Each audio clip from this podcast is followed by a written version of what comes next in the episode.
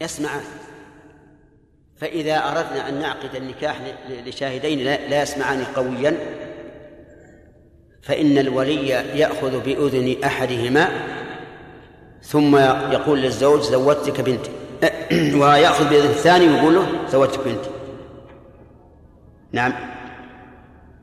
ولكن هذا ليس بصحيح. اشتراط أن يكون سامعين ليس بصحيح. الشرط أن يفهم العقد حتى لو فرض أنه كتب الإيجاب بورقة والقبول كذلك تحته وعرض عليهما وهما يبصران فإنه يكفي.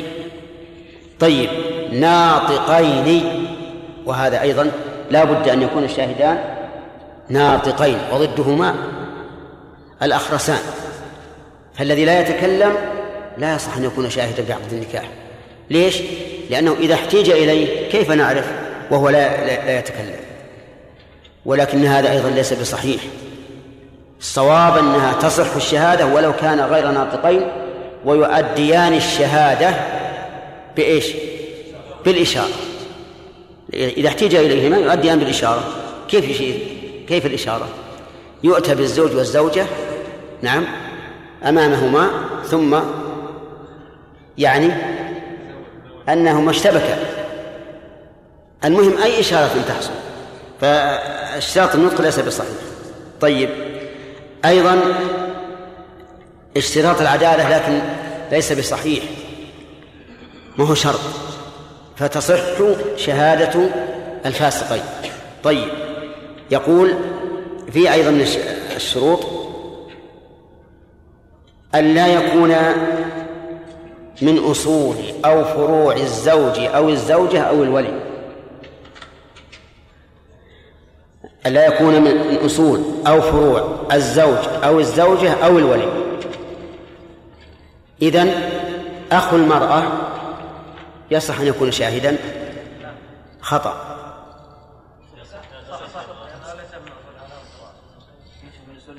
يصح أن يكون شاهدا. خطأ.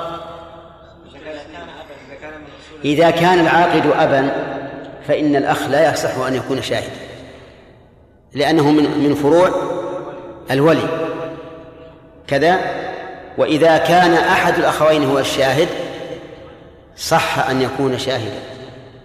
إذا نعم وإذا كان أحد الأخوين هو العاقد صح أن يكون الأخ شاهدا لأنه ليس من أصول العاقد ولا من فروعه ولا من أصول الزوج ولا من فروعه ولا من أصول الزوجة. ولا من فروعه طيب. ابن الزوج.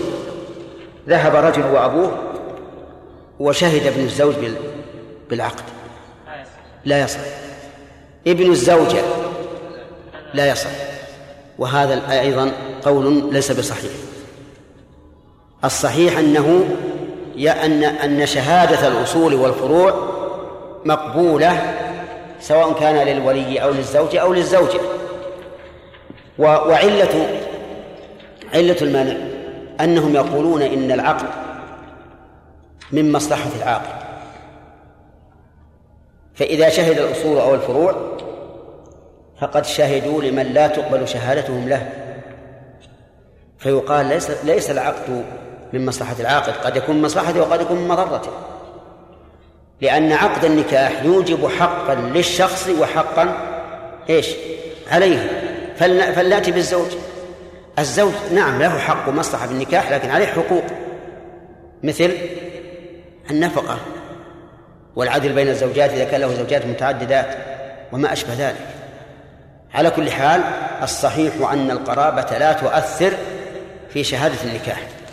فانظر الآن كيف كم عدد الذين صححنا بخلاف ما قال المؤلف. طيب يقول وليست الكفاءة انتهى الوقت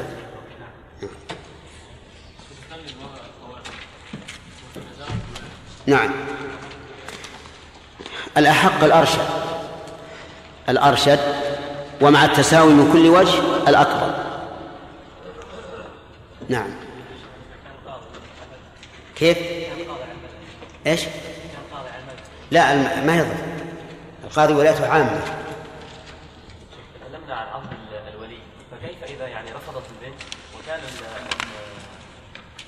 الشاب الإنسان والبنت يعني لا تستطيع لا يستطيع الوالد أن يخالفها بمعنى كانت كبيرة وراشده أخوها وليها و و ومنعت هي امتنعت. ما تجبر ما تجبر. لكن الشاب كفر. ها؟ الشاب الخاطئ. إي نعم نعم ما, ما تجبر. ما تجبر. لكن يشار عليها وتنصح ويقال هذا فرصة وما أشبه ذلك. ولو كان أباها مرت علينا ما مرت لي علينا؟ أين ها؟ أي. يا موسى بيع عليها الشريط عشرة في المئة. نعم. القبول إيه؟ ما يصح. الهاتف ما يصح. كيف؟ معروف خطه لازم يكون خطه معروفا نفسه هو بيوقع تحته لا غير القبول اي نعم. أقول بيكتب تحته. يكتب تحته ويرسل. لكن الصوت في الهاتف سهل تقليد. سهل تقليد. أنا رايته مع شخص آلة إن شئت حطت صوتك كأنه جمل خريش. تزيل مرة. ويعني شوي شوي حبة حبة كما يقول إيش نقول السوداني ولا؟ أو غير السوداني.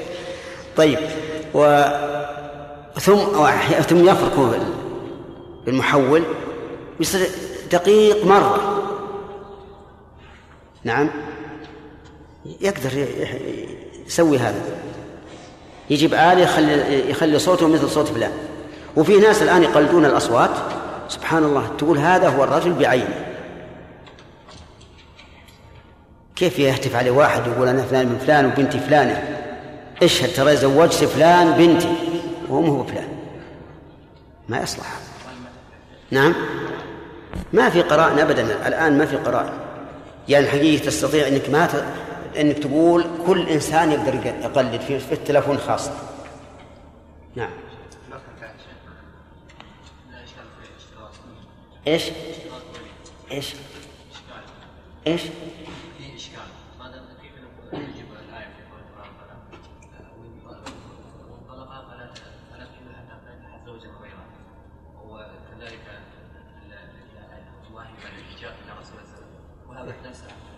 إلى رسول الله سهل. وكذلك فعل عائشة رضي الله عنها حينما تزوجت بنت اختها بنت نعم.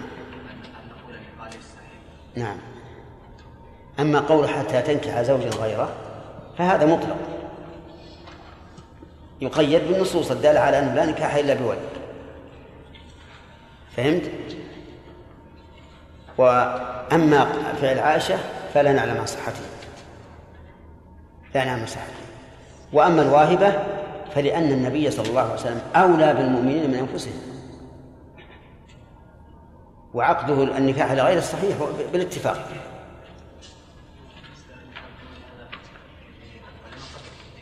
نعم. يعني كل الأدلة التي استدل بها من يقول بصحة النكاح بلا ولي كلها من المتشابه. يعني فيها شيء يحتمل فيجب أن تحمل على على المحكم.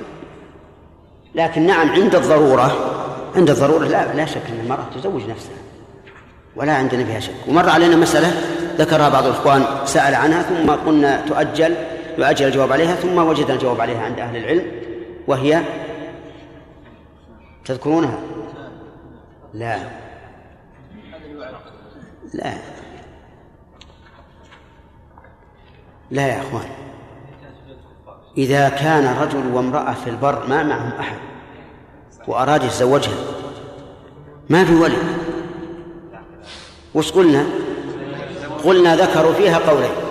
القول الأول أنه هو يزوج نفسه ويكون ولي له والثاني أنها هي التي تزوج نفسها. فالضرورات لها أحكام يعني لا يمكن إذا لم نجد لامرأة وليا أن نقول لا تتزوج لا. إما الزوج نفسه ولا زوجه واحد من المسلمين. انتهى الوقت. طيب. وليست الكفاءة ومنصب ومنصب. وهو النسب والحرية شرطا في صحته. فلو زوج الأب عفيفة بفاجر أو عربية يرضى من المرأة أو الأولياء الفسق بسم الله الرحمن الرحيم. قال المؤلف رحمه الله تعالى لما ذكر شروط النكاح قال وليست الكفاءة شرطا في صحته. ونص على ذلك لأن من العلماء من قال إن الكفاءة شرط في الصحة. ومنهم من قال إنها شرط في اللزوم. ومنهم من قال إنها ليست شرطا في هذا ولا هذا. انتبه يا ولد. الكفاءة إذن فيها ثلاث أقوال. القول الأول أنها شرط للصحة والثاني أنها شرط للزوم والثالث أنها ليست شرطا للزوم ولا للصحة. ولننظر. الكفاءة ما هي؟ هي دين. وليس المراد بالدين هنا الإسلام لأنه سبق أن المؤمن أن المشرك لا يتزوج الكافرة أن المشرك لا يتزوج المؤمنة وأن المؤمن لا يتزوج المشركة لكن يتزوج اليهودية والنصرانية. المراد بالدين هنا التزام أحكام الدين في الإسلام وذلك بأداء الفرائض واجتناب النواهي. يعني ليس من شرط صحة النكاح أن يكون الزوج مرضيا في دينه. فيجوز أن يزوج الإنسان ابنته بفاسق. وإذا زوج فالنكاح صحيح. نعم لكنه سيأتينا إن شاء الله الكلام فيه. كذلك من الكفاءة المنصب أن يكون ذا منصب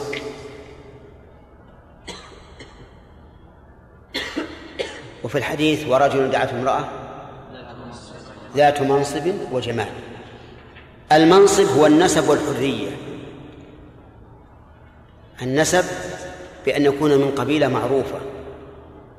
الحرية بأن لا يكون رقيقا. ليست شرطا في صحته بل يصح النكاح. ولو كان الزوج على غير استقامة ولو كان الزوج غير نسيب. ولو كان الزوج رقيقا. انتبه. هنا ثلاثة رجال. رجل زوج ابنته حالق لحية. فالنكاح طيب. رجل من قبيلة معينة من ذوي القبائل. نعم من القبائل. زوج من لا يعلم له أصل في قبيلة. النكاح صحيح. طيب. رجل عنده امرأة بنت زوجها رقيقا. النكاح صحيح. تمام؟ نعم. صحيح. لأن المؤلف يقول ليست شرطا في صحته طيب. يقول فلو زوج الأب عفيفة بفاجر يعني صح. وهذا محل نظر. لو زوج عفيفة بفاجر يعني بزاني. فالنكاح صحيح. وهذا غير صحيح. كلام المؤلف غير صحيح. لقول الله تبارك وتعالى الزاني لا ينكح إلا زانية أو مشركة والزانية لا ينكحها إلا زان أو مشرك. وحرم ذلك على المؤمنين. فجعل الله تعالى نكاح الزاني كنكاح الزانية كنكاح الزاني. يعني كما أن الزانية لا ينكحها إلا زان مشرك فكذلك الزاني لا ينكح إلا زانية أو مشرك. فهما سواء. والغريب أن أصحابنا رحمهم الله يقولون إن الزانية لا يصح نكاحها حتى تتوب والزاني يصح نكاحه قبل أن يتوب. مع أن الآية واحدة. والحكم واحد. فالصواب أنه إذا زوج عفيفة بفاجر فالنكاح غير صحيح. إلا إذا تاب.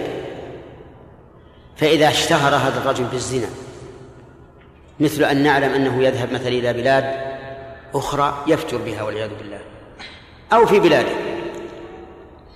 وزوجه أحد قلنا النكاح إيش؟ على القول الراجح النكاح غير صحيح. بنص القرآن. حرم ذلك على المؤمنين. فإن قال الخاطب إنه تاب وهو الآن يريد أن يعف نفسه. نقول ننظر ننتظر. بدل أن نجيبه اليوم نجيبه بعد شهر أو شهرين. فإذا رأينا أن الرجل استقام وتاب وعف عن الزنا زوجناه. طيب إذن قول المؤلف لو زوج الأب عفيفة بفاجر صح النكاح. أو عربية بعجمي. العربية هي ذات القبائل. يعني من قبيلة معروفة. من تميم من قريش من غطفان من كذا من كذا. بعجم من لم يكن من العرب. ويسمى عندنا بالعرف. ها؟ إيش؟ لا يسمى عندنا خضيري باللغة النجدية خضيري أو يسمى عبد واللي من القبيلة يسمى شيخ. يعني لو أنه زوج امرأة عربية برجل أعجمي ما له ليس من قبائل العرب. ليس من قبائل العرب فالنكاح صحيح. وهذا حق النكاح صحيح. إذا أتاكم من ترضون دينه وخلقه فأنكحوه. إلا تفعلوه تكون فتنة في الأرض وفساد كبير. أو قال عريض فلمن لم يرضى من المرأة أو الأولياء الفسخ. فلمن لم يرضى من المرأة أو الأولياء الفسخ يعني فالنكاح صحيح ولا غير صحيح؟ صحيح والدليل أنه قال الفسخ ولا فسخ إلا بنكاح صحيح. يعني مثلا الأب انتبه. أب زوج ابنته وهو من القبائل المعروفة برجل ليس له قبيلة معروفة. ما حكم النكاح؟ صحيح. لكن جاء إنسان من الأولياء ابن عم فقال للأب ليش زوج بنتك؟ هذا الرجل اللي ما له قبيلة معروفة. قال هذه بنتي وراضية. ونحن نرضى دينه وخلقه. قال ما يمكن أنا بفسخ النكاح.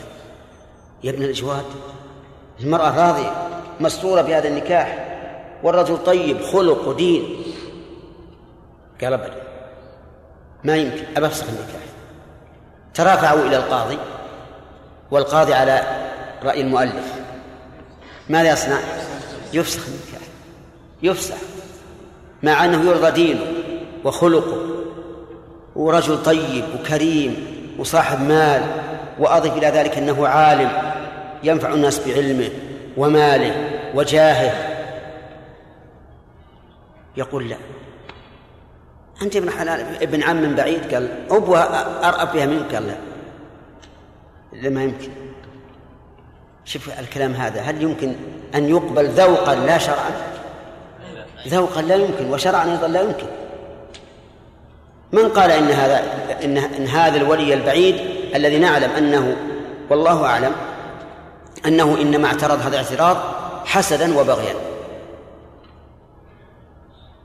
فالصواب بلا شك أن النكاح لا أن الكفاءة ليست شرطا لا للصحة ولا إيش؟ ولا للزوم يعني على كلام المؤلف الكفاءة شرط للزوم لا للصحة بمعنى أن من لم يرضى من الأولياء فله فسخ النكاح. والصواب خلاف ذلك. إلا في مسألة واحدة. ذكرها المؤلف وهي لا. ها؟ العفة. هذه شرط. يعني لا نزوج رجلا معروفا بالزنا إلا إذا تاب. طيب فإن قال قائل هذا رجل لم يعرف بالزنا لكن معروف بأنه يطأ المرأة في دبرها. معروف أنه ما يطأ النساء إلا في أدبارهن يزوج أو لا؟ لا يزوج. لأن هذا إعانة على محرم. حتى إن شيخ الإسلام رحمه الله يقول من عرف بوطء امرأته في الدبر فإنه يفرق بينهما. لأنه لا يمكن أن نقرهما على إقامة محرمة. طيب من عرف والعياذ بالله باللواط. من عرف باللواط. هل يزوج؟ لا. لا يزوج حتى يعلم أنه تاب. لأنه إذا كان الزنا وهو فاحشة يمنع من ذلك فاللواط وهو الفاحشة من باب أولى. اللواط وصف بأنه الفاحشة. والزنا وصف بأنه فاحشة الفرق أن ال التي دخلت على فاحشة تجعله أعظم يعني أنه الفاحشة الكبرى العظمى. والزنا فاحشة من الفواحش.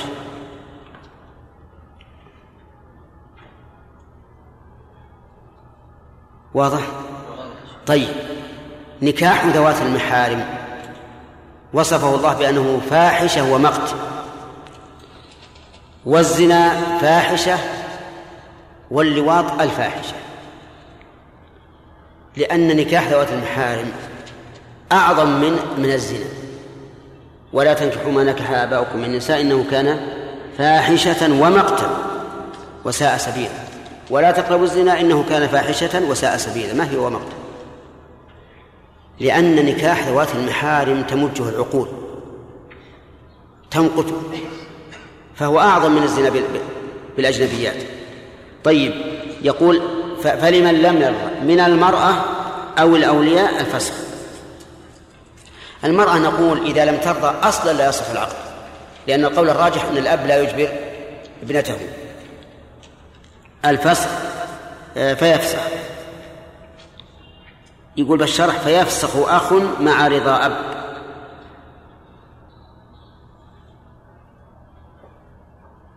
والفسخ أيضا على التراخي مشكلة. الفسخ على التراخي.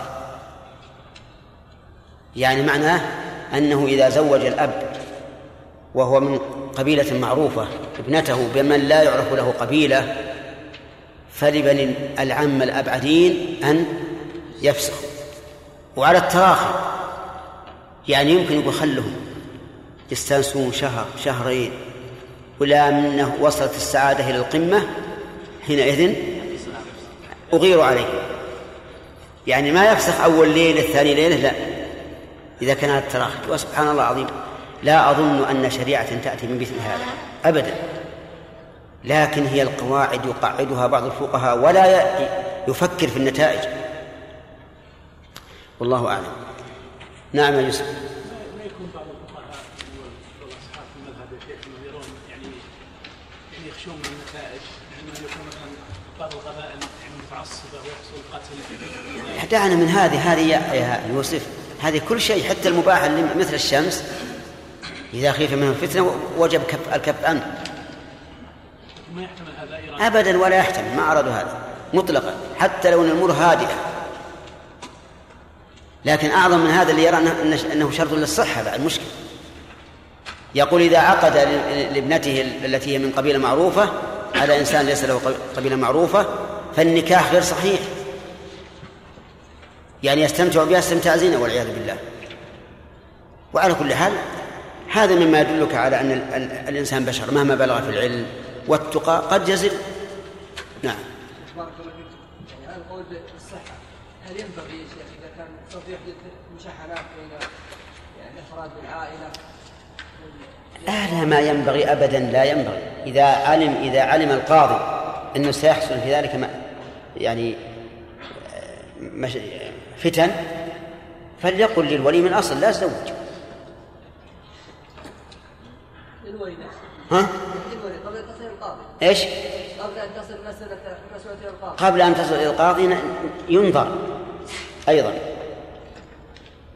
هل إن الأولى بنا أن أن نكون على شجاعة وأن نكسر هذه الجاهلية؟ نعم. ونقول يا جماعة الإنسان حر في نفسه. الرجل أمرنا أن نزوجه لأنه ذو خلق ودين. والمرأة موافقة والأب موافق. نكسر هذه العادات المبنية على أقوال ضعيفة. نعم. هل تزوج الشيخ العفيف اللقيط أو اللقيط من العفيف؟ لقيط؟ إيه. اللقيط وش ذنبه المسكين لكنه ليس له ليس له قبيلة معروفة صحيح لأنه ما له نسب. اللقيط من هو؟ الطفل الذي يوجد ملقا في الأسواق أو في المساجد ويأخذ إنسان ويربيه هذا لقيط. ولد الزنا يزوج ولد الزنا يزوج وهو ما, إيش؟ الزواج من اللقيط لا بأس به. من اللقيط يعني إنسان يتزوج امرأة لقيطة ما يدري من أبوها. لا بأس ربما نقول لك أجر. حتى لو كان يا شيخ يعير به أولاده يعيرون به ما يعيره إلا جاهلين جاهلية. وش يعني؟ تبتلى المسكينة زي ما ما تزوج خوفا من أن يعير أولادها. إلا صار يخاف يعير أولاده يروح لبلد ثاني ما يدرون عنه أما خلى الل- اللقيطات ما يتزوجان خوفا من ذا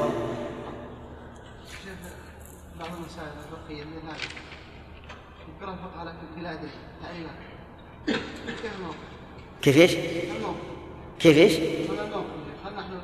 الموقف أن نأخذ بما جاء في الكتاب والسنة ها؟ إيش؟ لا ما ذكروا أدلة أقول آه، معناها قول ضعيف هذه.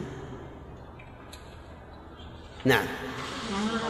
لو زوج تاجر بعفيفة هل معنى قولكم إن النكاح باطل أنه يعني زنا؟ أي معلوم باطل. يعني نكاح زنا. أن نقول مثلا ما تقول بهذا الرجل. أقول النكاح باطل إذن لا لا لا أثر له ولا عبرة به.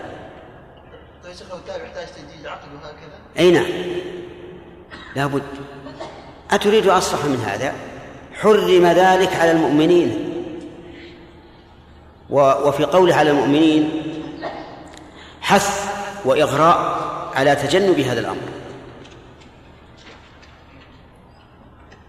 ولكن آه، وجهوا للآية الزاني لا ينكح إلا زانية أو مشركة. والزاني مسلم. ولا يجوز أن يتزوج المشركة نعم. ما شاء الله أربعة. طيب. لا. أي نعم. لا. لا كتابية ما سمى مشرك. إن الذين كفروا من أهل الكتاب والمشركين جعلهم صنفين. لأنه شابهها في الفعل فالزنا يعني شعار وجه شيخ الإسلام رحمه الله هذه الآية توجيها أحسن مما وجه مما وجهها به كثير من العلماء. قال إن الزاني إذا نكح امرأة فالنكاح حرام بنص القرآن. حرم ذلك على المؤمنين. فإذا تزوجها فإما أن يكون ملتزما بحكم الله في هذا ولكنه تجرأ على الفعل. فيكون زانيا. أو غير راض بهذا الحكم ويقول أنا أرى أنا أرى حل ذلك. فيكون مشركا. لأنه أحل ما حرم الله.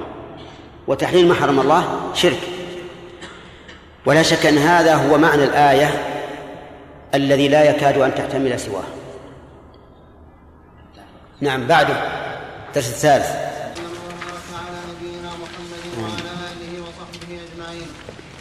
المصنف رحمه الله تعالى. باب المحرمات في النكاح. تحرم أبدا الام وكل جدة وإن علت والبنت وبنت الابن وبنتاهما من حلال وحرام وان سفن وان سفن وكل أخت وبنتها وبنت وإيش وإن؟ وان سفن نعم. وكل أخت وبنت وكل أخت وبنتها وبنت بنتها.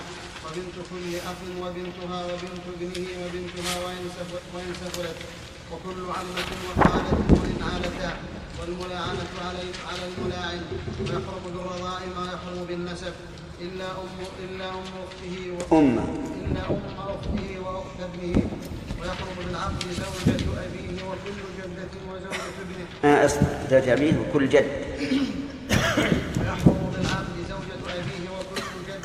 وكل. وكل جدة. وكل. وكل جدة. لا وكل جد.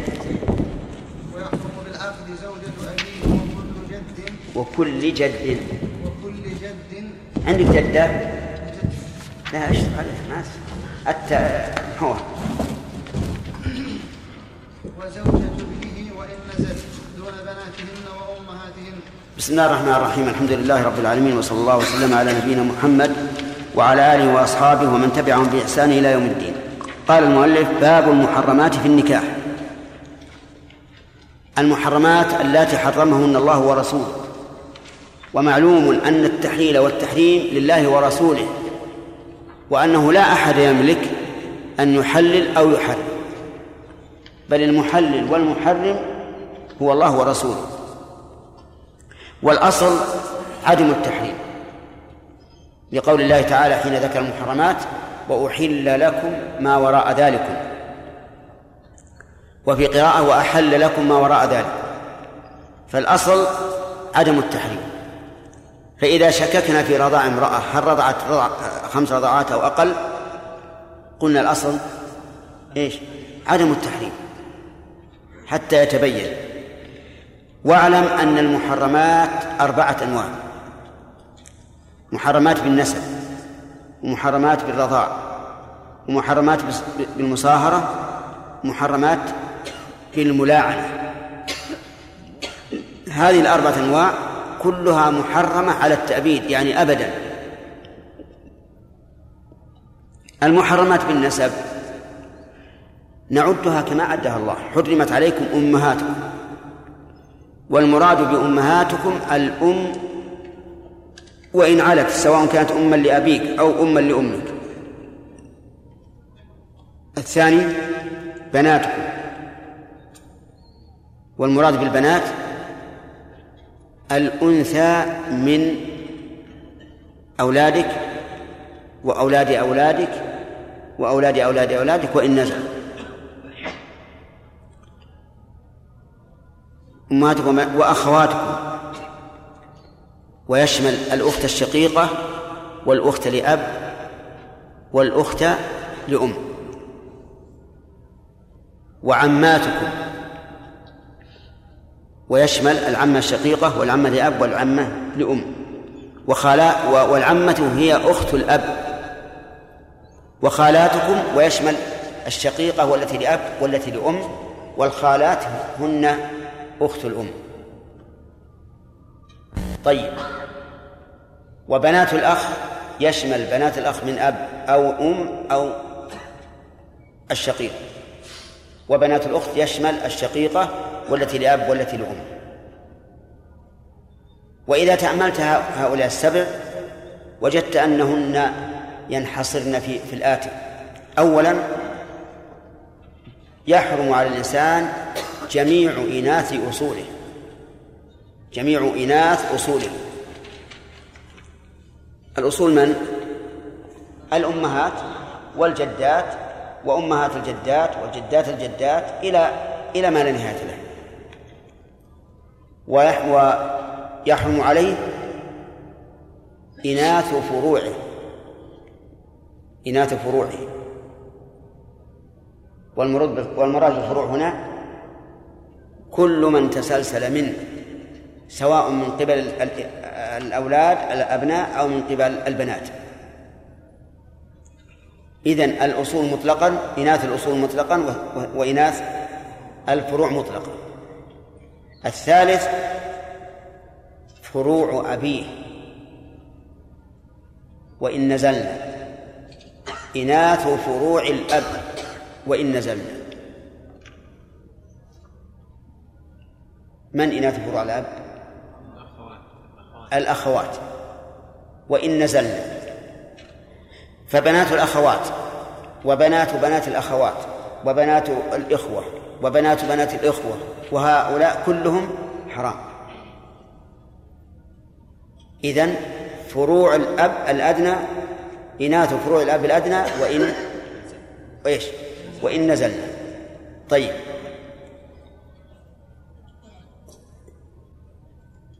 الرابع فروع الأب الأعلى.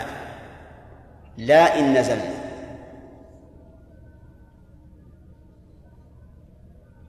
فروع الأب الأعلى لا إن نزلنا. من فروع الأب الأعلى؟ العمة والخالة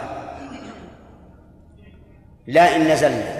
ولهذا يجوز للإنسان أن يتزوج بنت عمته وبنت عمي وبنت خالتي وبنت خالة. فصار الأصناف كم؟ أربعة. إناث الفروع وإن نزلنا. إناث الأصول وإن علونا. إناث الأصل الأدنى وإن نزلنا. إناث الأصل الأعلى لا إن لا إن نزل هؤلاء محرمات بماذا؟ بالنسب والدليل قوله تعالى حرمت عليكم أمهاتكم وبناتكم وأخواتكم وعماتكم وخالاتكم وبنات الأخ وبنات الأخت. الأمهات ما المراد بهن؟ الأم والجدة وإن علت. يعني إناث الأصول. يعني إناث الأصول. البنات. يعني إناث الفروع وإن نزل. الأخوات. فروع الأب. الأدنى. فروع فروعهم. مأخوذة من قوله وبنات الأخ وبنات الأخت. العمات والخالات. فروع الأب الأعلى ولم يقل وبنات العمات وبنات الخالات لأننا نقول فروع الأب الأعلى لا إن لا إن نزل. فهذه أصناف أربعة. محرمات بإيش؟ بالنسب. نرجع إلى كلام المؤلف يقول تحرم أبدا الأم وكل جدة وإن علت. هذا يشير إلى إيش؟ إلى الأصول. إلى الأصول. طيب. والبنت وبنت الابن وبنتاهما من حلال وحرام وإن سفل هذا إيش؟ إلى الفروع. لكن قوله من حلال وحرام. البنت من حلال هي التي خلقت من ماء الزوج أو من ماء السيد أو من شبهة. هذه من حلال. ومن حرام البنت التي خلقت من زنا. والبنت المخلوقة من زنا حرام على الزنا لأنها خلقت من ماء. وإذا كان إرضاع المرأة يؤثر في التحريم فكونها خلقت من ماء من باب من باب أولى. وأما ما ذهب إليه بعض الناس من أن بنت الزنا حلال فهو قول منكر. وإنما قال ذلك قال لأن هذه البنت لا تنسب إليه ولا ترث منه. فلا تدخل في قوله بناته والصواب أنها تحرم لأنها خلقت نين من مائه طيب. قال وكل أخت وبنتها وبنتها وبنت ابنتها لقوله تعالى إيش؟ واخواته وبنتها لقوله وبنات الأخت. وبنت كل أخ وبنت ابنه وبنتها لقوله وبنات وبنات الأخ. طيب. وإن سفلت وكل عمة وخالة وإن علتا. كل عمة وخالة وإن علتا. كيف تعلوان؟ تكون عمة لأبيك أو لأمك. فإن كل عمة لأخي لأبيك أو لأمك أو خالة لأبيك أو لأمك أو لجدك أو لأبي جدك أو ما أشبه ذلك فهي خالة أو عمة لك. والقاعدة أن كل عمة لشخص فهي عمة لذريته. وكل خالة لشخص فهي خالة ليش؟ لذريته. قال والملاعنة على الملاعن. تحريما مؤبدا. الملاعنة على الملاعن وش معنى الملاعنة الملاعن هو بين الزوجين لعان؟ نعم. إذا اتهمها بالزنا ورماها بالزنا ولم يكن عنده بينة ولم تقر فإنه يلاعن. يحضران عند الحاكم فيشهد الزوج على على زوجته أنها زنت ويقول في الخامسة وأن لعنة الله عليه إن كان من الكاذبين ثم ترد عليه. وتنفي ما قال وتقول في الخامسة وأن غضب الله عليها إن كان من الصادقين. ثم بعد ذلك يتفرقان ولا يحل له أبدا أن يتزوجها. على التأبيد. فإن قال قائل زوجات الرسول عليه الصلاة والسلام محرمات. على التأبيد. بقوله تعالى ولا أن تنكحوا أزواجه من بعده أبدا. قلنا نعم لكن هذه انقضى انقضى حكمها الآن. انقضى حكمها بماذا؟ بموتهن ولا حاجة إلى أن, أن, أن نذكر ذلك. إلا إذا كنا نسوق خصائص النبي صلى الله عليه وعلى آله وسلم فلا بأس أن نقول من خصائص أن زوجاته أن زوجاته بعده لا لا يتزوجن. ثم قال ويحرم من الرضاع ما يحرم من ويحرم بالرضاع ما يحرم بالنسب. يحرم بالرضاع. البه هنا للسببية. أي يحرم بسبب الرضاع ما يحرم بسبب النسب. الدليل قوله تبارك وتعالى وأمهاتكم اللاتي أرضعنكم وأخواتكم من الرضاعة. ولم يقل وبناتكم اللاتي أرضعنكم. نعم. ليش؟ لا يتصور. نعم. لأن بنتك أرضعتك. لو أرضعتك ما استطيع ولدا لها. لكن أمك يمكن. أمهات طيب. وقال النبي صلى الله عليه وعلى آله وسلم يحرم من الرضاء ما يحرم من النسب. وهذا عام. أعدد المحرمات من النسب. كم هن؟ سبع. وبالتصنيف؟ لا. التصنيف ثلاث تصنيف. لأن الرابع هي الملاعنة. بالتصنيف ثلاث تصنيف أو أربعة. أي أربعة. طيب التصنيف أربعة. إذن ما يقابلهن من النسب حرام من الرضاع حرام. لقوله يحرم من الرضاع ما يحرم من النسب. ثم استدرك المؤلف استدراكا مستدركا. يعني هو استدرك ونحن نستدرك عليه. قال إلا أم أخته وأخت ابنه. ونحن نقول هذا لا حاجة للاستثناء فيه. لأن الرسول صلى الله عليه وسلم أطلق يحرم من الرضاع ما يحرم من النسب. ولننظر الآن. إلا أم أخته من الرضاع. أم أختك من الرضاع. حلال لك. أم أختك من الرضاع حلال لك. صح ولا لا؟ يعني امرأة أرضعت أخاك وأردت أن تتزوجها فلا بأس. لكن لو كانت أم أخيك من النسب لا فإنها لا تحل لك لأنها إما أمك وإما زوجة أبيك. فإن كانت أمك فالأمر ظاهر وإن كانت زوجة, زوجة أبيك فهي حرام عليك بالمصاهرة. وحينئذ لا حاجة للاستثناء. طيب أخت ابنه من الرضاع.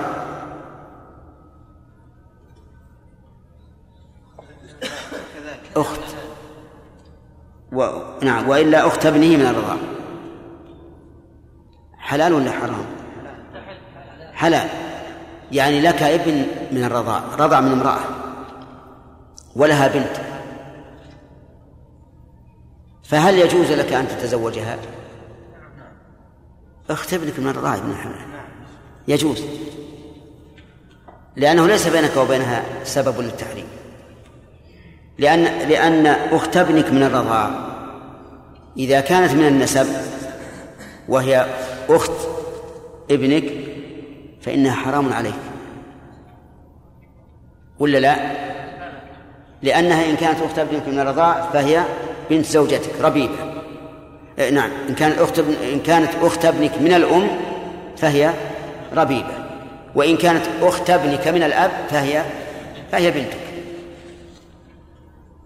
وعلى هذا فلا حاجة لهذا الاستثناء. ولهذا يعتبر هذا الاستثناء في غير محله من وجهين. أولا أن هذا كالاستدراك على الحديث النبوي. يحرم من الرضاع ما يحرم من النسب. والثاني أن هؤلاء المحرمات الاستثناء ليست محرمات بالنسب محرمات بالمصاهرة. وهنا يحسن أن نذكر قاعدة تفيد وهي أن الرضاع إنما يؤثر في المرتضع وفروعه فقط.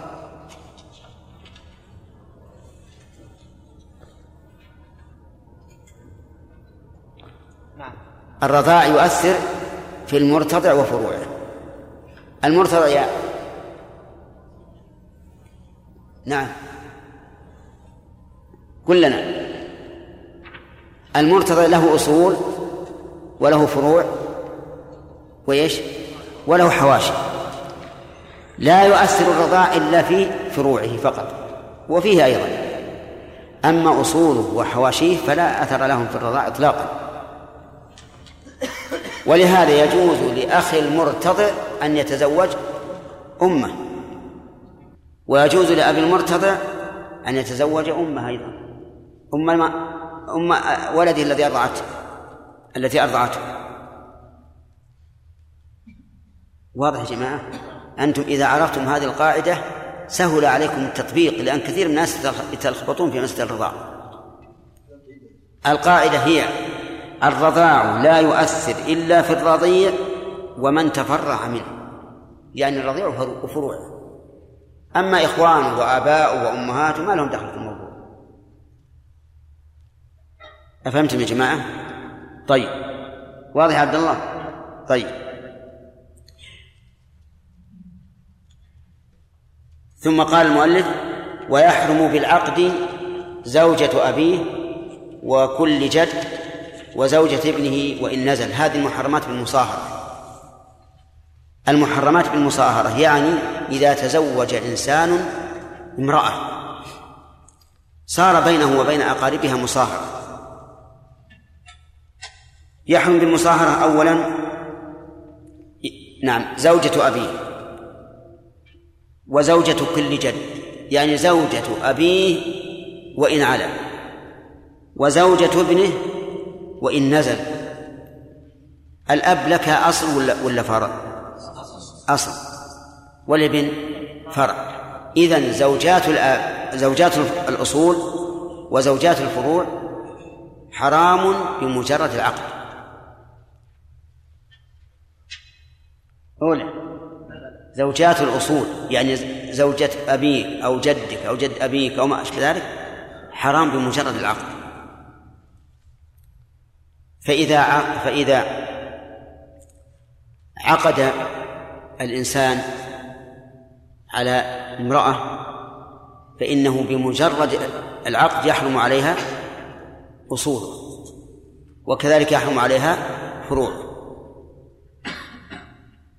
والثالث قال ودون بناتهن أي بنات الحلال وأمهاتهن كذا عندكم؟ طيب. فتحل له ربيبة والده وولده وأم زوجة والده وولده. لقوله تعالى وأحل لكم ما وراء ذلك. الآن انتبه. يحرم بالعقد أي بمجرد العقد. الظاهر ما هو ممكن أشرح نقف على المحرمات بالصدق مضى عندنا الآن المحرمات بإيش؟ بالنسب والمحرمات بالرضاع يأتي المحرمات بالمصاهرة وقلنا إن التحريم المؤبد كم نوع؟ كم نوعا؟ أربعة أنواع محرمات بالنسب محرمات بالرضاع محرمات بالمصاهرة محرمات باللعان نعم ها؟ الحواشي هم الإخوة والأخوات والأعمام والعمات والأخوال والخالات وإن نزلوا الشبهة يا شيخ هل يكون حلال؟ وش الحلال؟ تكون بنته من الحلال؟ إي نعم. لأن اعتقاده أنها زوجته مثلا. لكن لا تنسب إليه ولا؟ تنسب إليه. كيف ما تنسب إليه؟ لا يعني إذا وطئ زوجة الشخص بالشبهة. نعم. تنسب إلى إلى الواطئ أو ل إلى الواطئ. ترث وترث. سواء كان شبهة اعتقاد أو شبهة عقد. شبهة اعتقاد أني أظن هذه المرأة زوجته فيطأها شبهة العقد أن يعقد عليها عقدا فاسدا يظنه صحيحا. نعم. اي تأتينا إن شاء الله ما كملنا نخبة الفكر وسلم على نبينا محمد وآله وأصحابه ومن تبعهم بإحسان إلى يوم الدين. سبق أن المحرمات في النكاح إلى الأبد أربعة أنواع. إيه نعم. بالنسب. نعم. المصاهرة. نعم. الملاعنة. نعم. والرضاع. والرضاع. طيب. ف... فما هي المحرمات في النسب بالعد؟ لا. قل لي. نعم. كم هي كم هي بالعد؟ سبع. عدة. نعم. نعم. قل مذكورة في قوله تعالى. لا. لا. وش إيش؟ لا ما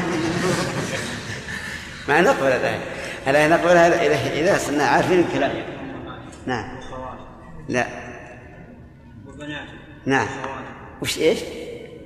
اي وش بعد؟ وأخواتكم. وأخواتكم كذا اي أي. حط الهمزة فيه. آه. نعم. نعم. صحيح. أحسنت. سبع. وما هي المحرمات بالنسب بالحد؟ نعم. أربعة أقسام. أربعة أقسام.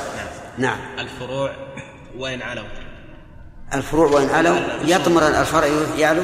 الأصول وإن علوا الأصول وإن علوا والفروع وإن نزلوا. نعم. وحواشي الأب. وفروع. نعم وفروع الأب. وإن نزل وإن وإن نزل وف- وفروع الأب وفروع الجد. وإن على وإن نزلوا؟ لا وإن على الأب. وإن على الأب لكن اللي- الفروع. لا فقط. إذن فروع ال... ال... نعم فروع الجد وإن على لصلبه. لصلبه خاص. طيب. من هم فروع الجد؟ إي نعم.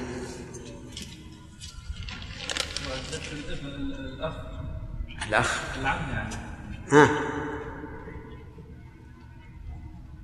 العمة. نتكلم الآن عن المرأة المحرمة. العمة. طيب. العمة مو؟ العمة. طيب. بنت العمة. بنت العمة. نعم. حلال ولا حرام؟ بنت العمة. حلال. بنت العمة. ما هو قلنا فروع الجد. قلنا فروع الجد. والفرع ينزل.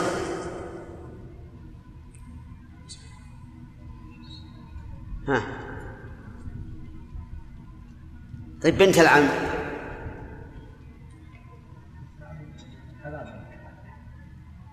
هي ما هي بنت العم من فروع الجد؟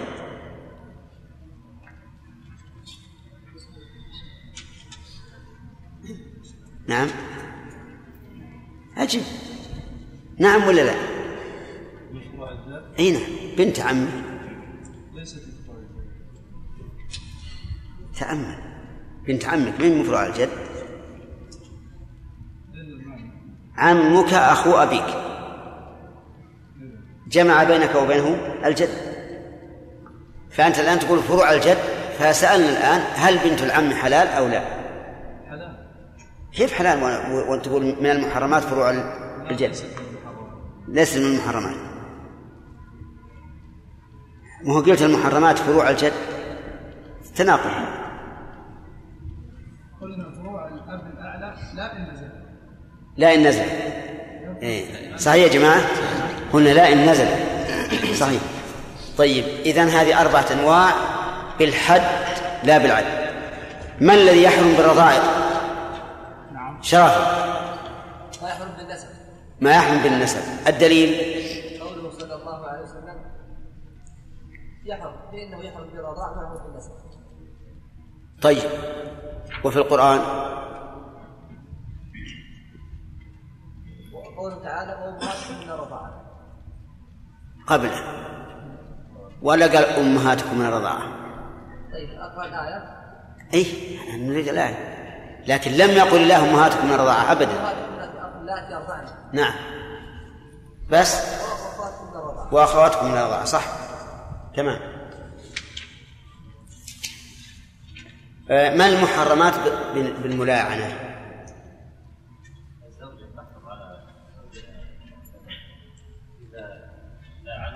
إذا لعنها تمام. ما هو ما هو سبب اللعان؟ لا غيرك. سبب اللعان أن يرميها بالزنا. فإذا رماها بالزنا قلنا له أقم البينة فإن لم يقم البينة سألناها هل تقر أو لا إن أقرت أقمنا عليها. الحد وإلا؟ نعم. لا عنا بينهم أحسنت. ذكر بعض العلماء زوجات الرسول صلى الله عليه وعلى آله وسلم. هل هذا صحيح؟ أنهن محرمات بعده. إلى الأبد يوسف؟ طيب. نعم محرمات نص القرآن. نعم. بقوله تعالى وما كان لكم أن تؤذوا رسول الله ولا أن تكرهوا أزواجهم بعد أبدا طيب. لكن ذكرنا أنه أن الآن لا فائدة من هذا إلا أن نعلم أن أن من خصائصه أن زوجاته لا ينكحن بعده طيب. المحرمات بالصهر نذكرهن بالحد بالعد كما ذكر المؤلف ثم بالحد. يقول رحمه الله ويحرم بالعقد زوجة أبيه وكل جد. يحرم بالعقد زوج بالعقد يعني إذا عقد على امرأة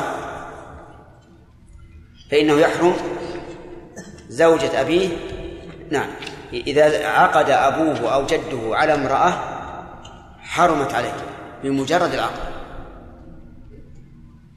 وإن مات عنها الأب مثال ذلك رجل له أب فتزوج امرأة. هذه المرأة تحرم على أولاد زوجها.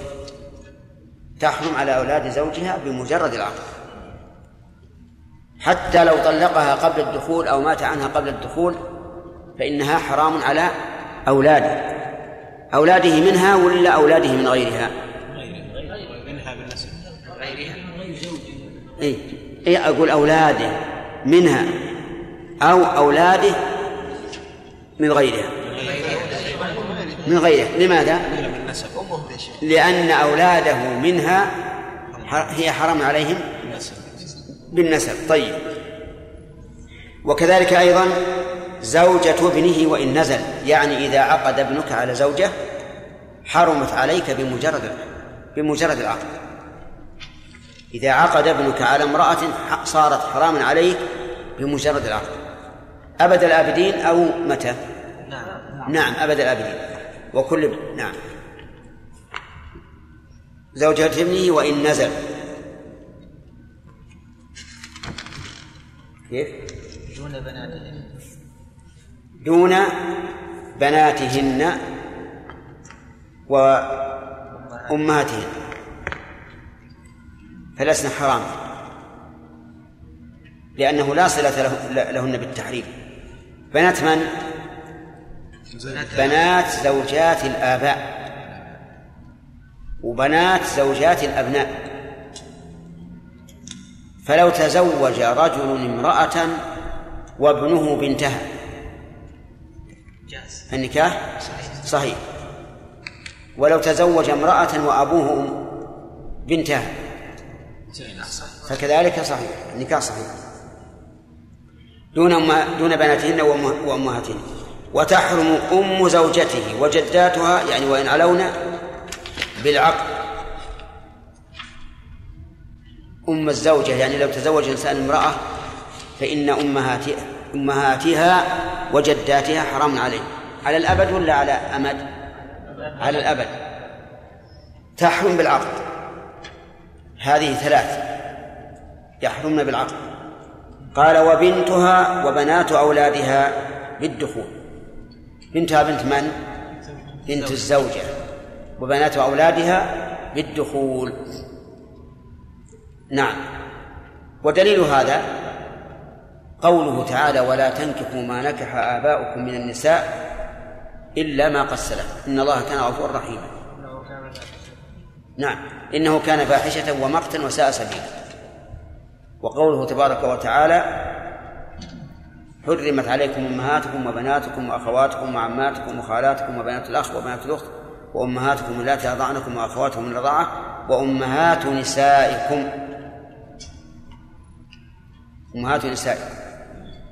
بعده وربائبكم اللاتي في حجوركم من نسائكم اللاتي دخلتم بهن. فإن لم تكونوا دخلتم بهن فلا جناح عليكم وحلائل أبنائكم الذين من أصلابكم هذه أربعة. أما بالحد فنقول إذا تزوج امرأة حرم عليه هو فقط. أصولها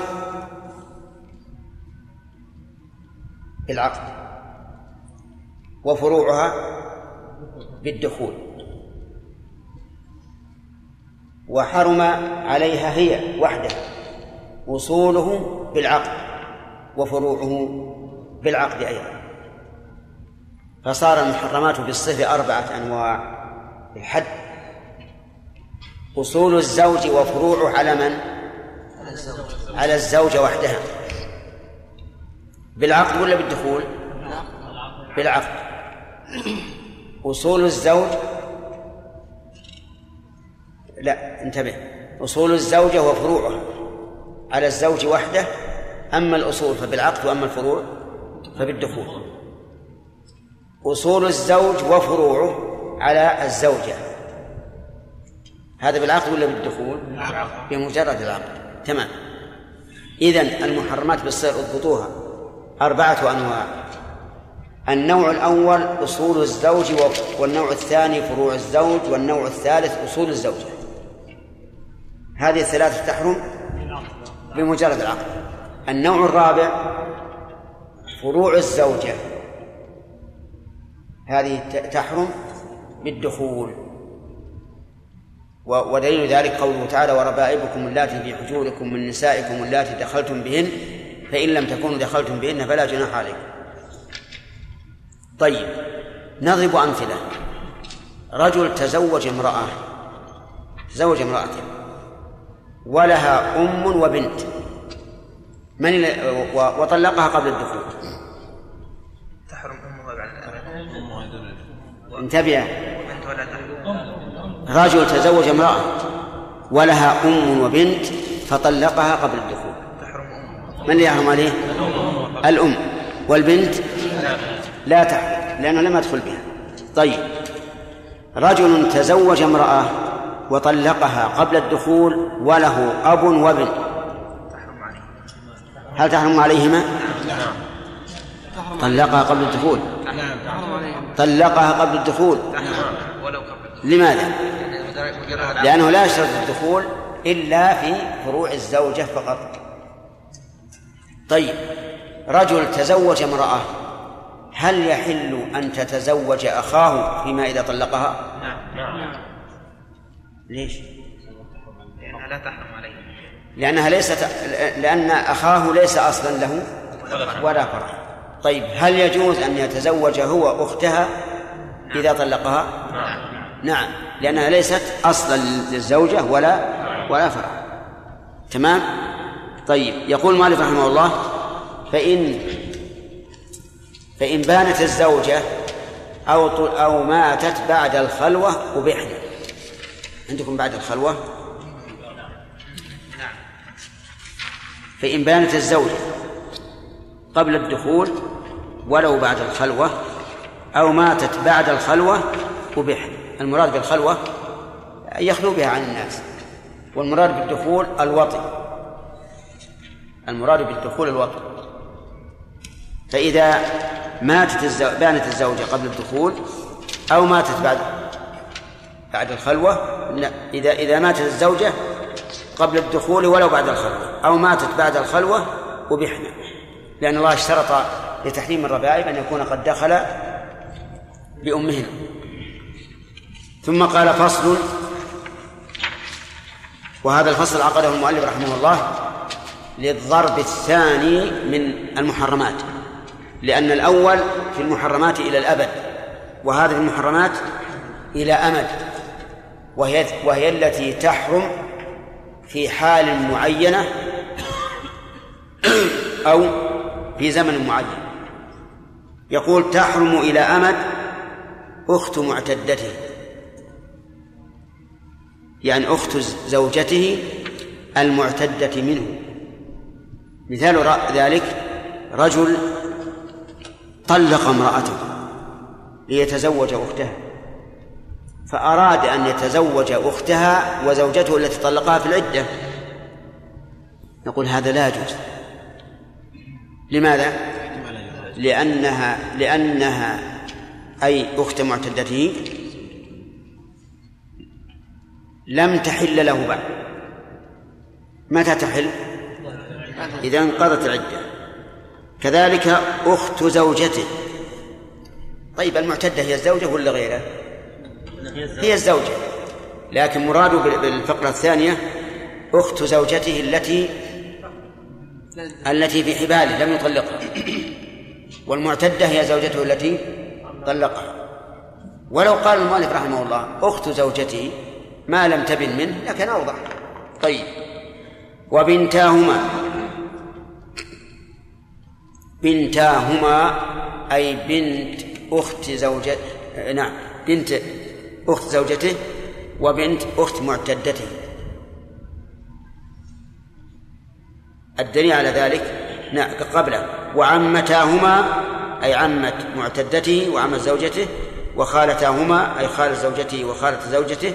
ودليل ذلك قوله تعالى وأن تجمعوا بين الأختين وقول وقول النبي صلى الله عليه وسلم لا يجمع بين المرأة وعمتها ولا بين المرأة وخالتها. وقول المؤلف رحمه الله تحرم إلى أمد فيه تساهل لأن أخت زوجته ليست حراما عليه حتى وزوجته معه. الحرام أن يجمع بينهما. كما قال الله تعالى وأن تجمعوا بين الأختين وكما قال تعالى وكما قال النبي صلى الله عليه وسلم لا يجمع بين المرأة وعمتها ولا بين المرأة وخالتها. فكون نقول المرأة حرام لا. لأن الله إنما حرم إيش؟ الجمع. طيب.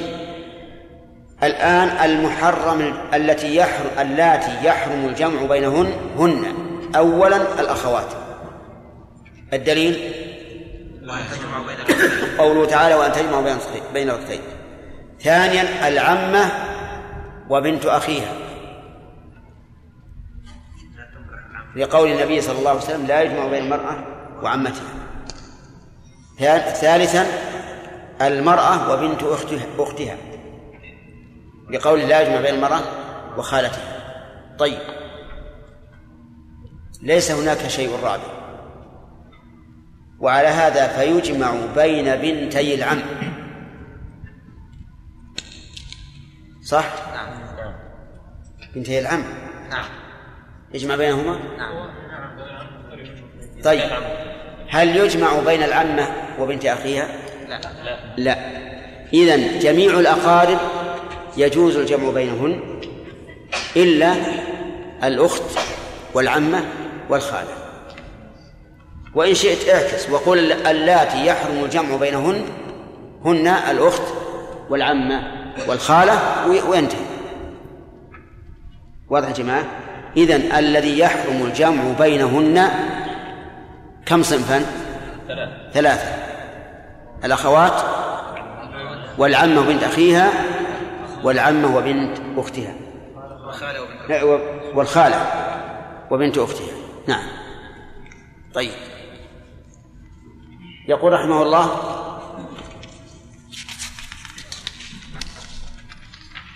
فإن طلقت يعني المرأة وفرغت العدة أبحنا الضمير في أبحنا يعود على من؟ على أخت الزوجة وعمتها وخالتها. إذا فرغت العدة. فإن تزوجهما في عقد. أو عقدين معا بطلا. إن تزوجهما أي أختين في عقد. بأن قال أبوهما زوجتك ابنتي هاتين. قال قبلت. حكم النكاح في العقدين ولا ولا يقرأ؟ في العقدين. ها؟ في العقدين. طيب. آه تزوجهما قصدي في العقدين يعني في البنت في الأختين. نعم في الأختين. تزوجهما في عقدين معا. في عقدين معا. كذلك أيضا يبطل. لكن كيف يتزوجهما في عقدين معا؟ هل يتصور؟ العلماء لا, لا لم يذكروا إلا شيئا متصورا ولو كان بعيدا. يعني يوكل واحد نعم. يعقد هو أي صحيح. قال لفلان وكلتك تقبل عقد النكاح لي على بنت فلان زينب مثلا. ثم هو ذهب إلى وكيل فلان بتزويج بنته فاطمة. فصادف أن إيجاب كل واحد وقبوله في آن واحد. الصورة صعبة وبعيدة لكنها ممكنة. نقول كلا العقدين لا يصح باطل وإن تأخر أحدهما نعم. وإن ت- فإن تأخر أحدهما أو وقع في عدة الأخرى وهي بائن أو رجعية بطل أيهما الذي يبطل؟ الأخير. أما الأول فلا. والله أعلم. نعم. شيخ إذا عقد للأختين في آن واحد نعم. لماذا لا يقال بأنه يصح في إحداهما كتفريق الصفقة؟ لا ما يصح. لأن لأن هنا اجتمع اجتمع المانع والمصحح في آن واحد. أما الصفقة فتجد المحرم متميز والثاني غير متميز. وأما هذا فلا يتميز ها؟ نعم. يحرم الجمع بينهما. شيخ لو حصل خلوة الزوجة بدون وطن هل يحرم فروعها ولا لا؟ هل إيش؟ يحرم فروعها؟ هل تحرم لا إذا حصل خلوة بلا وطء فإن فروع الزوجة لا يحرم لا يحرم شيخ هل يجوز التسلسل في الرضاع؟ ها؟ التسلسل في الرضاع نعم. يعني يكون له خالته من الرضاع أخت أمه من الرضاع وخالته هذه لها مرضعة فهل تحرم أم الخالة من الرضاع؟ في الزواج الصحيح أن الرضاع لا يؤثر في المصاهرة إطلاقا لا ليست مصاهرة ولكن رضاع يعني أرضعته امرأة وأخت هذه المرأة أرضعت من قبل أم- امرأة أخرى. فهل تكون جدة له لأنها أم خالته من الرضاع؟ ما فهمت. أقول ما فهمت الصورة رجل أرضعته امرأة طيب. ولها أخت نفس هذه المرأة. فكانت إذا صارت أختها؟ خالة له من خالة له من الرضاع. نعم. والخالة هذه لها مرضع. نعم. أرضعتها امرأة. نعم. فهل نقول أن هذه المرأة تحرم على هذا الرجل؟ على أي الرجل؟ على على الرجل المرضع طيب. هذه التي أرضعته لها امرأة مرضعة. لا ليست التي أرضعته ها. بل أختها أي لا؟ ما له دخل.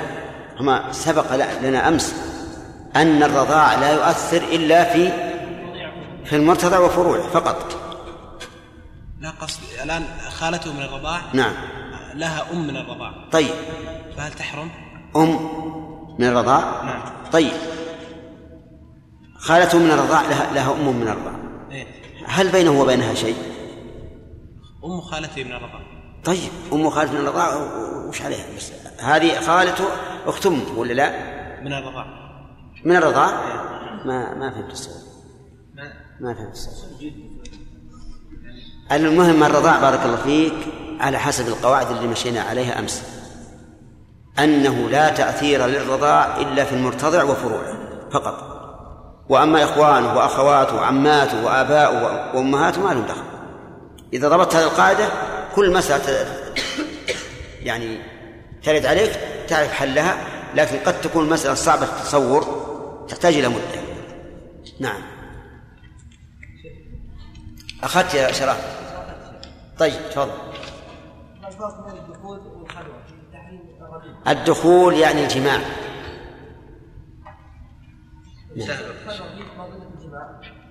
لا أثر لها. والزانية حتى تتوب وتنقضي عدتها ومط- ومطلقته ثلاثا حتى يطأها زوج غيره. والمحرمة حتى ولا ينكح كافر مسلما بس. بسم الله الرحمن الرحيم. الحمد لله رب العالمين وصلى الله وسلم على نبينا محمد وعلى آله وأصحابه ومن تبعهم بإحسان إلى يوم الدين. سبق لنا أن المحرمات في النكاح تنقسم تنقسم إلى لا إلى قسمين. قسم مؤبد وقسم إلى امد وأن المحرمات إلى الأبد أربعة أنواع. كذا ولا لا؟ طيب. المحرمة للأمد ذكر المؤلف رحمه الله أخت الزوجة وعمة الزوجة وخالة الزوجة سواء كانت الزوجة في عصمته أو معتدة منه. وذكرنا أن هذا التعبير فيه نظر لأنه خلاف التعبير القرآني والنبوي. ما هو التعبير القرآني والنبوي؟ الجمع المحرم الجمع. قال تعالى وأن تجمعوا بين أختين. وقال النبي صلى الله عليه وعلى آله وسلم لا يجمع بين المرأة وعمتها ولا بين المرأة وخالتها. طيب إذا عقد إذا عقد على الأختين أو العمة وبنت أخيها أو أو الخالة وبنت أختها إذا عقد عليهما بعقد واحد فإنهما يبطلان. أو في عقدين ولم يتقدم الآخر فكذلك يبطلان. طيب. قال المؤلف رحمه الله تعالى طيب فإن تأخر أحدهما. فالأخير هو الباطل والأول هو الصحيح. ثم قال رحمه الله وتحرم وتحرم معتدة والمستبرأة من غيره والزانية حتى تتوب إلى آخره. المعتدة من غير تحرم. تحرم على الإنسان. إلى متى؟ إلى أن تنقضي عدتها. فإن كانت حاملا فبوضع الحمل وإن كانت من ذوات الحيض فبحيض ثلاث مرات وإن تكن من غير ذوات الحيض فبثلاثة أشهر. المهم أن المعتدة من غيرك لا تحل لك وإن عقدت عليها فالنكاح باطل. وقول المعتدة من غيره مفهومه أن المعتدة منه لا تحل. ويجب أن نعلم أن المعتدة من ثلاثة أقسام رجعية وبائن بثلاث وبائن بغير ثلاث. المعتدة من من من, من الرجل ثلاثة أنواع. رجعية والثاني بائن بثلاث والثالثة بائن بغير ثلاث. أما رجعية فلا تحتاج إلى عقد. إنما يشهد بأنه راجعها وينتهي الأمر. لأنها زوجة. وأما البائن بغير الثلاث فتحتاج إلى عقد. يعني ملكة جديدة ومهر. وأما البائن بالثلاث فلا تحل له إلا بعد زوج كما قال كما قال الله تعالى فإن طلقها فلا تحل له من بعد حتى تنكح زوجا غيره. والآن المعتدة من الغيظ حرام حتى تنتهي العدة. المعتدة من. من من من نفس الإنسان تنقسم إلى كم؟ ثلاثة أقسام. رجعية وبائن بثلاث وبائن بغير ثلاث. الرجعية لا تحتاج إلى عقد وإن لأنها زوجته والبائن بغير الثلاث تحتاج إلى عقد فتحل له بعقد ولو في العدة والبائن بالثلاث لا تحل له حتى تنكح زوجا غيره. طيب والمستبرأة؟ أيضا تحرم المستبرأة من الغير. من المستبرأة؟ المستبرأة هي الأمة. الأمة إذا أعتقها زوجها مثلا. إذا نعم الأمة إذا أعتقها سيدها. فإنها لا تحل للغير حتى تستبرأ. إن كانت تحيض فبحيضة وإن كانت حاملا فبوضع الحمل. طيب. وكذلك أيضا المستبرأة من غيره.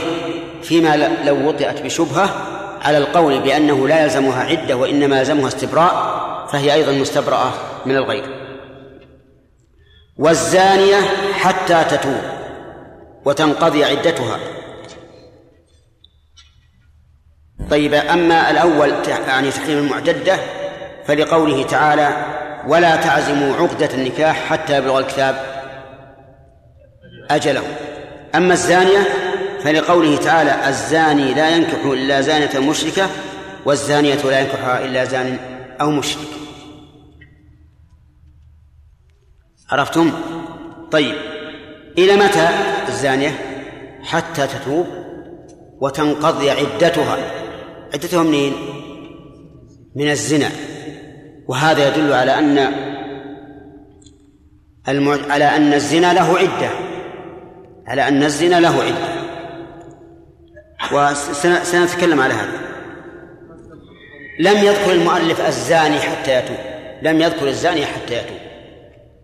وظاهر كلامه أنه لا يحرم نكاح الزاني ولو لم يتوب. والصواب أن أن الزاني يحرم أن نزوجه حتى يتوب. يحرم أن نزوجه حتى يتوب. لأن الآية واحدة. والحكم واحد. فكيف نفرق؟ قالوا نفرق لأن الزانية إذا إذا تزوجت اختلط الماء المباح بالماء الحرام. ولا ندري هذا الولد المتكون أمن الزنا أم من الحلال. بخلاف إيش؟ بخلاف الزاني ولكن في هذا نظرا لأنه لا يمكن أن نخرج الحكم الواحد بمجرد علة التمسناها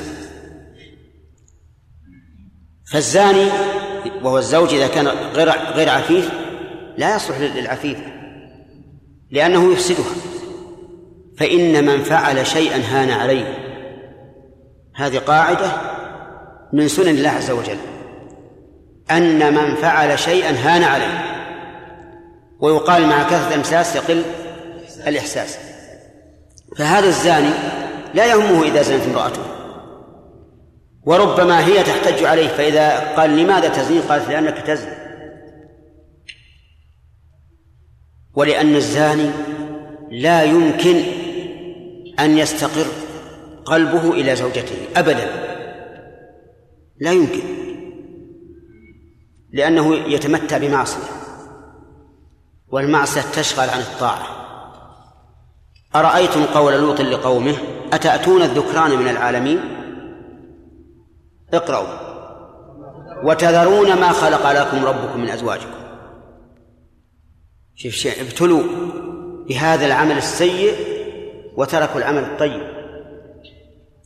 فهذا الزاني لا يمكن أن نزوجه عفيفا إطلاقا حتى يتوب.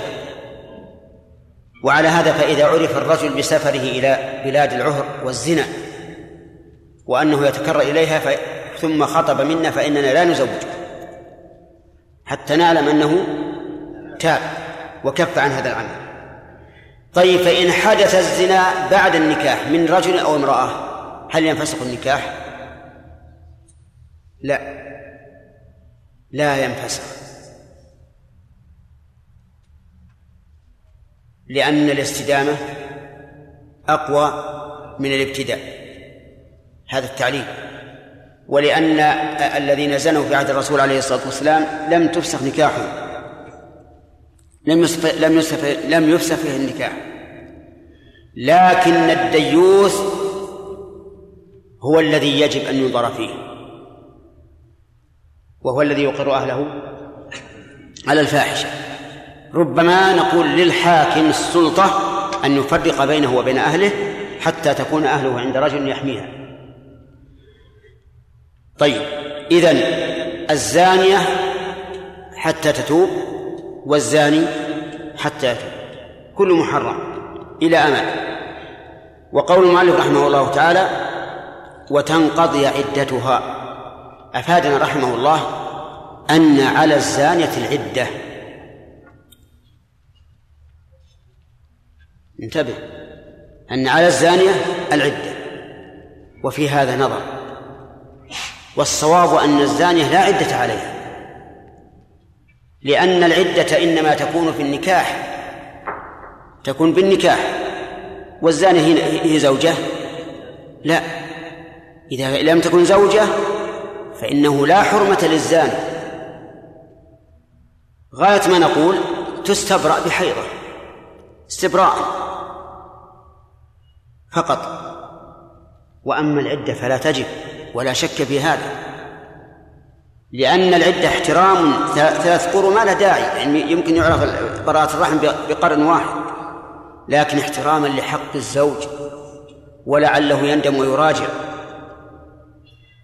أما الزاني فلا حرمة له ولا ولا له رجعة فالصواب بلا ريب أنها تستبرأ فقط. ثم إنه إذا كانت ذات فراش فهل يلزم الاستبراء؟ يعني لو لو زانت امرأة الرجل. والعياذ بالله. هل يلزم الاستبراء؟ تبع ربما حملت من الزاني. أكثر العلماء على وجوب الاستبراء. أكثر العلماء المذهب تجب العدة. انتبهوا.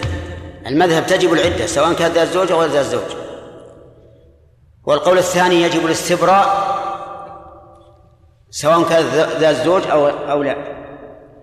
والثالث وهو الذي أراه أرجح أنها إذا كانت ذات زوج فلا شيء عليها وأنها لو زنت في الليل فلزوجها أن يجامعها في النهار من الغد.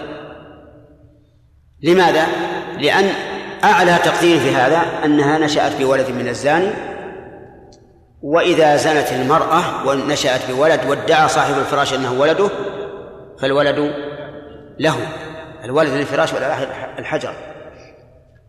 وهذا القول هو الذي تؤيده الأدلة أن الزانية إذا كانت ذات زوج لا يلزم زوجها أن يستبرئها وله أن يجامعها. لكن هنا شيء آخر يجب التنبه له وهو أنه لا يجوز أن يقر زوجته على الفاحشة والعياذ بالله.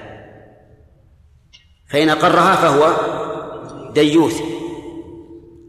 طيب ثم قال رحمه الله ومطلقته ثلاثا بقي علينا الآية الكريمة الزاني لا ينكح إلا زانية مشركة والزانية لا ينكحها إلا زان أو مشرك. لا ينكح الزاني لا ينكح إلا زانية أو مشركة. كونه زانيا ينكح ينكح زانية ما في إشكال لأنه عاص فاسق نكح عاصية فاسقة. لكن أو مشركة. هل يجوز للزاني وهو مسلم أن ينكح مشركة؟ نعم. لا يجوز.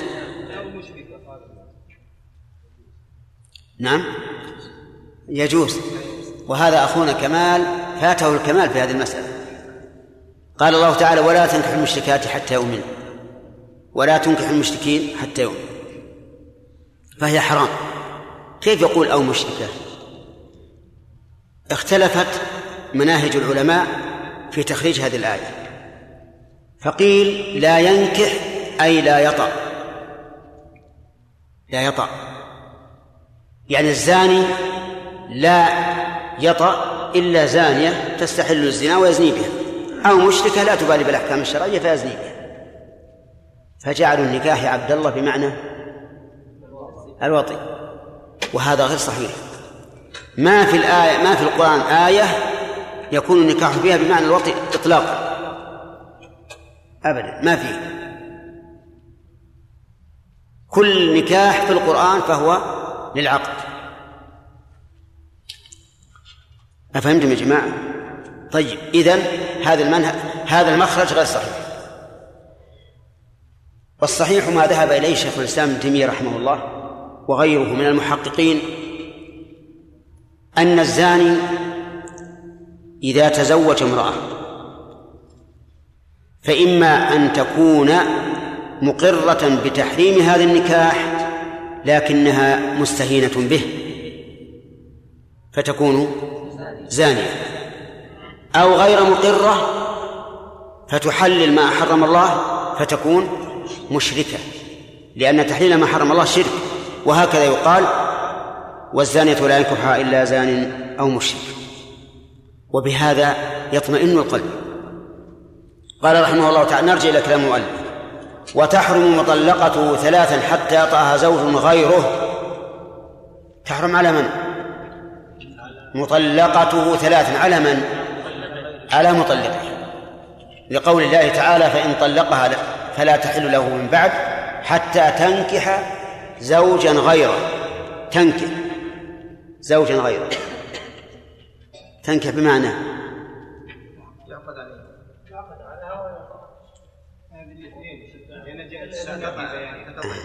لا أول أول نقول النكاح هنا بمعنى العقد لأنه قال بمعنى الوطي. النكاح هنا بمعنى الوطي. نعم. لأن قد تنكح زوجا. ولا يكون زوجا إلا بعقد. لا يكون زوجا إلا بعقد. وعلى هذا تنكح بمعنى؟ أي توطأ. أو يقال تنكح بمعنى تعقد النكاح على رجل نعم واشتراط الوطي معروف من السنة. فهمتم هذا مخرجان كلاهما صحيح. على كل حال آه، حرم الله المطلق ثلاثا حتى تنكح زوجا غيره. ولكن كلما أطلق العقد في القرآن والسنة فالمراد به العقد الصحيح. وعلى هذا تنكح زوجا غيره يعني نكاحا صحيحا.